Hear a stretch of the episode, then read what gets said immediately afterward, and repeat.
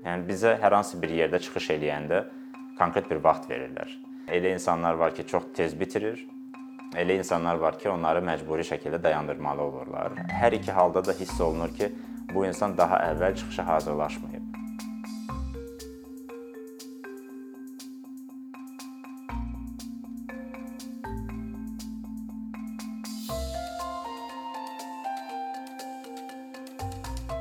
Natiqlik nədir? Və və yaxud nə deyil. Çünki çox insan natiqliyi daha çox diksiya ilə bağlı düşünür. Yəni düzgün tələffüz etmə qabiliyyəti kimi düşünür, amma əslində bu öz fikirlərini təsirli şəkildə ifadə edə bilmək bacarığıdır. İnsan öz fikirlərini necə olur ki, təsirli şəkildə ifadə edə bilir? Daha çox bunu öyrənən bir elmdir. Amma bunu etmədən öncə biz bir statistikaya qayıtmalıyıq. Azərbaycanda bunun statistikası olmasa da, ABŞ-da var. Goldrin və Braskin adında 2 nəfər vaxtilə bir araşdırma ediblər. Öz vətəndaşlarından soruşublar ki, sizin qorxularınız nədir? Bir siyahı tərtib edin və hardasa bir 15 ilə yaxın onlar bu araşdırma nəticəsində öyrənib ki, minlərlə ABŞ vətəndaşının xüsusi bir top onluğu var. 6-cı yerdə ölüm qorxusudur. İkinci yerdə əqrəb və ilan qorxusudur. Birinci yerdə kütlə qarşısında çıxış etməkdir. Yəni bu universal bir qorxudur və bu planetin hər bir yerində hər bir insanın yaşaya biləcəyi bir qorxudur. Bunun səbəbləri nədir, nə deyil? Bu bir uzun bir mövzudur, amma qısaca nə deyə bilərik? Bunun üzərindən keçmək olar. Təcrübə çox böyük bir əhəmiyyət daşıyır.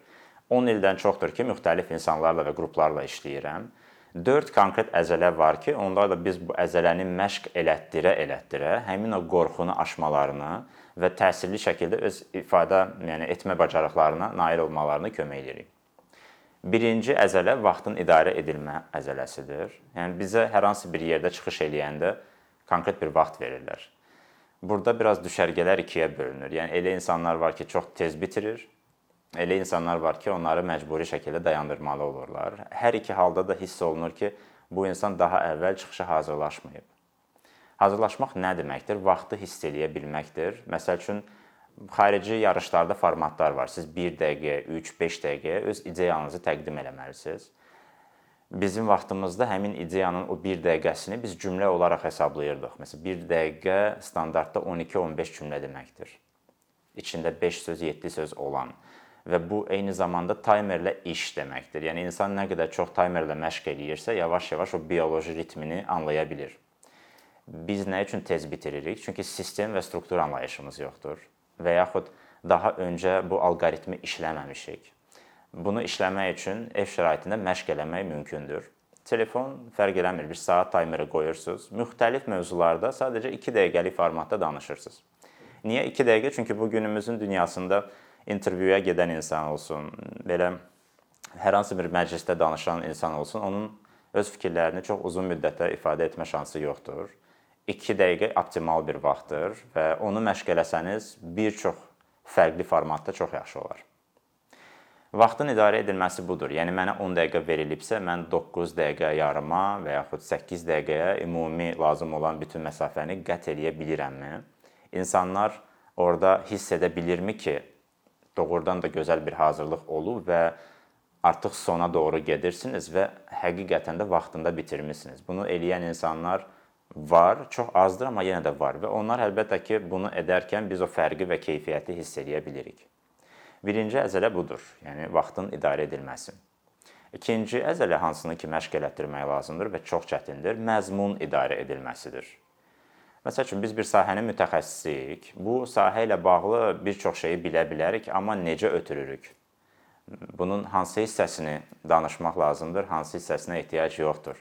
Yəni bu 10 cümlədən hansı 5-ini saxlamaq lazımdır, hansı 5-ini dərhal silmək lazımdır? İndi aramızda yazıçı olan dostlarımız var. Onların bir qədər bəxti gətirib redaktorlarla işləyirlər. Bu işi onlar üçün kimsə görür. Yəni kimsə soyuqqanlılıqla deyir ki, bu paraqraflara ehtiyac yoxdur. Məsələn, bu cümlələrin yerinə bu üç sözü də yaza bilərdin. Amma sıravi vətəndaşların elə bir lüksu olmadığına görə özləri özlərində bir komissiya yaratmalıdırlar ki, bu cümlələrimin əksəriyyətinin mahiyyəti varmı? Məni o məqsədimə çatdırırmı? Yoxsa sadəcə vaxt itkisidir? Yoxsa qulaq asan insanda artıq yavaş-yavaş o marağı öldürməyə xidmət edirmi? Məzmun budur. Necə başlayım? Məsəl üçün dünya praktikasında hal-hazırda çox yayılmış üslublar var və ən praktiki yol sual soruşaraq başlamaqdır. Fərz eləyin ki, onlayn tədbirdəsiz, offlayn tədbirdəsiz fərq eləmir. Siz 10 dəqiqə, 5 dəqiqə, 20 dəqiqə danışacaqsınız. TED çıxışlarına baxın. Hər hansı bir natiq başlayan kimi bir mərkəzi sual soruşur. Və bu sualı soruşanda insanları dəvət edir, müəyyən bir dialoqa dəvət edir və yaxud bir giriş üçün zəmin yaratmış olur. Ondan sonra mərkəzin özündə çalışmaq maksimum 3 mesajı ötürmək. Çünki insanların əksəriyyəti onsuz da hər şeyi özü ilə evə apara bilmir. Ən yaxşı halda 3 məlumat vahidini apara biləcəklər. O da nə ilə bağlıdır? Əsas ideyaları nəzərdə tuturam. Ola bilər ki, orada çox gözəl bir fakt yadda qalsın, sizin bir кейsiniz, nümunəniz, hekayəniz yadlarında qalsın, amma deməyə çalışdığınız o ana ideyanı tuta biliblər yoxsa yox, məzmun idarə edilməsində əvvəldən onu məşq edirsiniz. Bunu 2 əsr əvvəl necə eləyirdilər? Həm vaxt idarə edilməsini, həm də məzmun idarə edilməsini. Klassik insanlar məktub yazıb bir-birlərinə. İndi bizim elə bir ənənəmiz demək olar ki, qalmayıb. Amma o dövrün insanı kağızı çox çətinliklə tapırdı və onun notebook kimi lüksu yox idi. O səhv eləyə bilmirdi və o mətni bir nəfəsə bir dəfəyə verməli idi. Ona görə onların danışığına da bu yansıyırdı. Siz də ev şəraitində 10 dəqiqəlik bir yenə timer, bir məktub yazın. Çoxdan yazmaq istədiyiniz bir şey haqqında, hər hansı bir ideya haqqında, müşahidəniz haqqında. Bir şərt odur ki, orada fasilə etməyəsiniz və səhvlər demək olar ki, olmasın. Düzdür, birinci bir neçə cəhddə bu çox çətin olacaq. Amma 20, 30 orada artıq siz yavaş-yavaş o fərqi hiss eləyəcəksiniz. Çünki beyin özü çox çətin şəraitdə işləyəndə daha optimal qərarlar verir. Məzmunla bağlı necə bitirim hissəsi də var. Yəni adətən insanlar danışıb bitirəndə biz qulaq asanlar düşünürük ki, bu adam bizdən nə istəyirdi? Yəni nə etməliyik? Klassika odur ki, janrımızın klassikası siz bir hərəkətə çağırış verəsiz. Yəni bir nitqə qulaq asan insan idealda gedir, hər hansı bir linkə daxil olur. Hansı bir kluba üzv olur, qeydiyyatdan keçir, həm hansı bir kitabı alır, nəsə deyilən bir şey edir ki, həm danışan da başa düşsün ki, nəsə baş verdi, həm də özü də anlasın ki, ən azından müəyyən bir təsir altında qalıb. Amma məzmun idarə edilməsi uzun bir prosesdir və illər ala bilər. Bunun ən yaxşı nümunəsi ümumiyyətlə meyxanaçılar və reperlərdir. Onların dünyasında bədahətən və freestyle deyirlər. O bir mifdir. Çünki əksəriyyəti dünyanı tərk eləyəndən sonra biz meyxanaçılardan görmüşük. Onların evində külliyyat tapılır, qəzəllər, həm oxuduqları, həm də yazdıqları. Bu odur ki, onlar məzmunla həmişə işləyiblər. Yəni alqoritmi işləyiblər. Reperlər də elədir. Məşhur Eminem-in, yəni lüğət qutusu var. Orda minlərlə alqoritmi necə işləyib. Yəni bu bir əziyyətli bir işdir, ancaq eləyən insan bunun həmişə faydasını görür. Üçüncü əzələ enerjinin idarə edilməsidir və mənə elə gəlir ki, bu 10 ildə ən çətin, yəni ərsəyə gələn əzələlərdən biridir. İnsanların əksəriyyəti ya mövzuya, ya da ki, zala hakim ola bilmir. Orda alfa və beta dominantlıq deyirlər. Çəkingən, utancaq ola bilər, çünki ailədən gələn bir kökü var bu məsələnin. Biz bir sıra müştərilərlə də danışanda dialoq əsnasında məsəl üçün peyda olur belə bir mövzu əksəriyyəti vaxtı ilə uşaq vaxtı evdə masa ətrafında heç vaxt danışmağa şans tapmayıblar. Yəni səhər yeməyi olsun, günorta yeməyi olsun, orada onların valideynləri soruşmayıb ki, sənin günün necə keçib, həyat haqqında nə düşünürsən, bu yaşa gəlmisən, necədir vəziyyət? Əsasən hesabat xarakterli olub hər şey və o komitəyə hesabat verərcəsinə əgər yaxşı qiymət alıbsa, uşağın həmin günü çox yaxşı keçib, almayıbsa orada yəni vəziyyət ağır olub. Amma o növbəti illərə də yansıyır. Bir də ki, ailədəki kitab oxuma vərdişi və bu vərdişin uşağa keçməsi də onun əlbəttə ki, enerjisinə də müəyyən qədər yansıyır. Enerji də nədir orada? Yəni dünya görüşü olan insanın xüsusi bir sakitliyi var. Hansı ki, o zalada yaxşı mənada təsir eləyir. Özünə əmin olan insan nəyisə sübut eləməyə çalışmır. Və zal da bunun enerjisini hiss eləyir. Yəni özünə bir rəqib kimi görmür danışan insanı. O çox vacibdir. Enerji nədir? Yenə də bizim bu məşhur bir söz var, xarizma sözü var. Biz bəzi insanlara qulaq asanda onları özümüz də başa düşməsək çox sevirik. Xarizmanı loru dildə biz hər zaman izah, yəni izah eləyəndə düşünürəm ki, bu cümlə kömək eləyir. Bizim şəxsiyyətimizdən gələn maqnetizm. Yəni insanın şəxsiyyətini o təlimlərdə inkişaf elətdirmir. Fiks olan bir şeydir, anadan gəlmə var, amma bunu necə göstərə bilir? 3 kanal var. Biri səs kanalıdır. Yəni mən xarizmamı səsimlə ötürə bilərəm və yaxud mən bunu görünüşlə ötürə bilərəm. Məsələn, səs müğənnilər ola bilər, radio hostlar ola bilər, görüntü Hollywood ulduzları ola bilər, başa düşdüyünüz qədərilə. 3 məzmundur. Ola bilər ki, insanın dərin məzmunu var və o yaxşı məqalələr yazır, kitabları var və insanlar onun o yazılar toplusunu onun özü kimi görür, şəxsiyyəti kimi görür. Bu planetdə çox az insan var ki, hər üçü də onda kombinə olaraq var. Adətən bir kanal çox güclüdür və hər hansı bir insan bunu başa düşən kimi çalışır o kanala maksimal yatırım eləsin.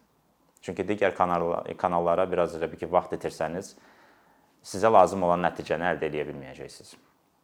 İstisnalar hər, əlbəttə ki var, ancaq yəni reallıq onu göstərir ki, Whitney Houston olmağa çox insan çalışa bilər, Alim Qasımov olmağa çox insan çalışa bilər, amma o deyil. Yəni onların orada bazası var. Amma enerji həm də nədir? Mən özüm özümlə barışmışam. Bir çox insan var ki, onlar bu danışma prosesinə daha çox aktyorluq kimi baxırlar və bizim orada personajlarımız var. K1, K2, K3. K1. Mən kim olmaq istəyirəm? Məsələn, bir çox insan düşünür ki, dünyada məşhur natiqlər var. Churchill var, Steve Jobs var və və s. Onlar kimi olum, onlar kimi danışım. Amma nəticə etibarilə qulaq asan insanlar bunu həmin dəqiqə hiss eləyə bilir. Yəni özün deyil də başqası kimi danışdığını hiss eləyə bilir insanlar. K1-i bitirdik. Yəni kim olmaq istəyirəm? K2. Kim olduğumu düşünürlər.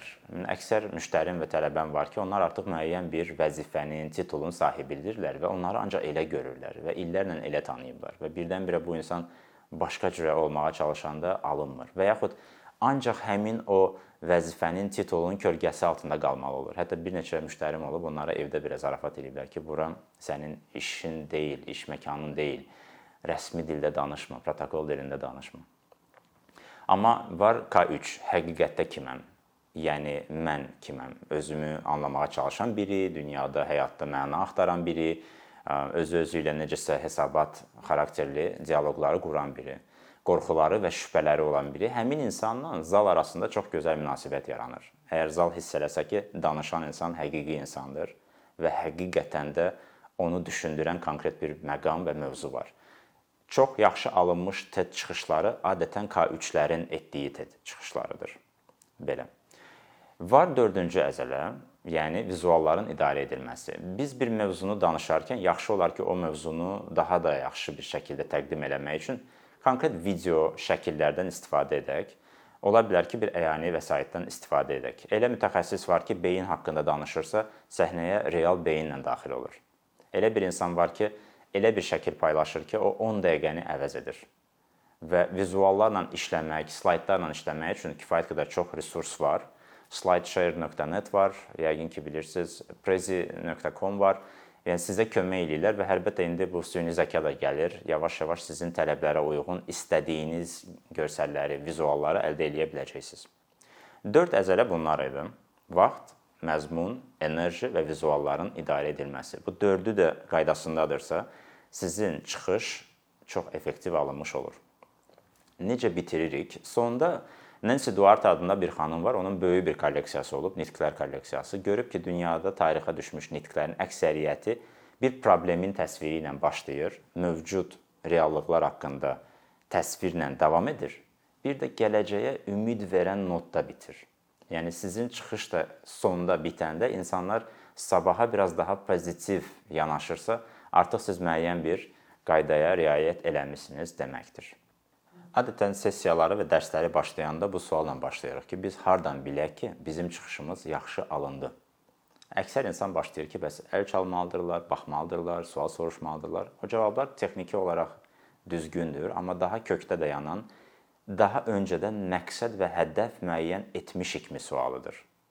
Yəni mənim bir rəqəmsal hədəfim yoxdursa, hər hansı bir rəqəmə, nəticəyə çatmağa çalışmıramsa, onda mən çıxışımın yaxşı ya da pis alındığını başa düşə bilməyəcəm. Təşəbbüskarlıq yarışlarında biz danışmışıq hər zaman və orada 600-500 insan qulaq asır. Həmin nitq bitəndən sonra heç olmasa 3 investor yaxınlaşıb vizit kartını verirsə və görüş istəyirsə, bu artıq yaxşı alınmış nitq deməkdir. Orada bir standart var. Bir müəllif bir zalda danışırsa, 50 üstəgəl kitabı satılırsa nəticədə bu rəqəmsal bir hədəfdir ki, ona çata bilir. İş adamını dəvət edirlər, forumda öz həyatı haqqında danışır, amma bir layihəsində 5 nəfər işçi də axtarır. Əgər həmin hədəf əvvəldən müəyyən edilirsə və o öz əksini nitqə tapırsa, onda bizə daha asan olacaq. Hardan bilək ki, zal bütün bu prosesdən məmnundur. Birincisi, möcüzələr çox az olur bu işdə. 3də 1 qanunu var. Zalın 3də 1-i əvvəldən axıra kimi sizə qulaq asacaq. Kim olursunuzsa olun, nə danışırsınızsa danışın. Digər 3də 1-i ilə göyçəmənlər deyirik. Yəni gedib qayıdırlar. Nəsə olur 100% orada dostları ya da kimsə onların biraz fikrini yayındırır. Sonuncu 3də 1-i ümumiyyətlə sizinlə deyil orada bloklanma yaşayır. Məişətdə problemi var, hər hansı bir çətinlik yaşadı, sizinlə arasında problem var, dəyərlər sistemi toqquşub, nəsə demisiniz, xoşuna gəlməyib ola bilər. Amma zal qulaq asırsa və ona maraqlıdırsa, çiyindən yuxarıya baxmaq kifayət edir. Əgər mövzu insana maraqlı gəlirsə, onun baş nahiyəsi heç vaxt düz qalmır. Həmişə əyilir sağa ya da sola. Və siz ona əsasən bilirsiniz ki, bu qism zalda vəziyyət yaxşıdır. Ona görə monitorinq etmək çox vacibdir, mayak kimi işləmək çox vacibdir, göz təması quraraq ki, biləsiniz ki, zaldakı vəziyyət nə yerdədir. Və ona əsasən də əlbəttə ki, zalın nəbzini tutacaqsınız.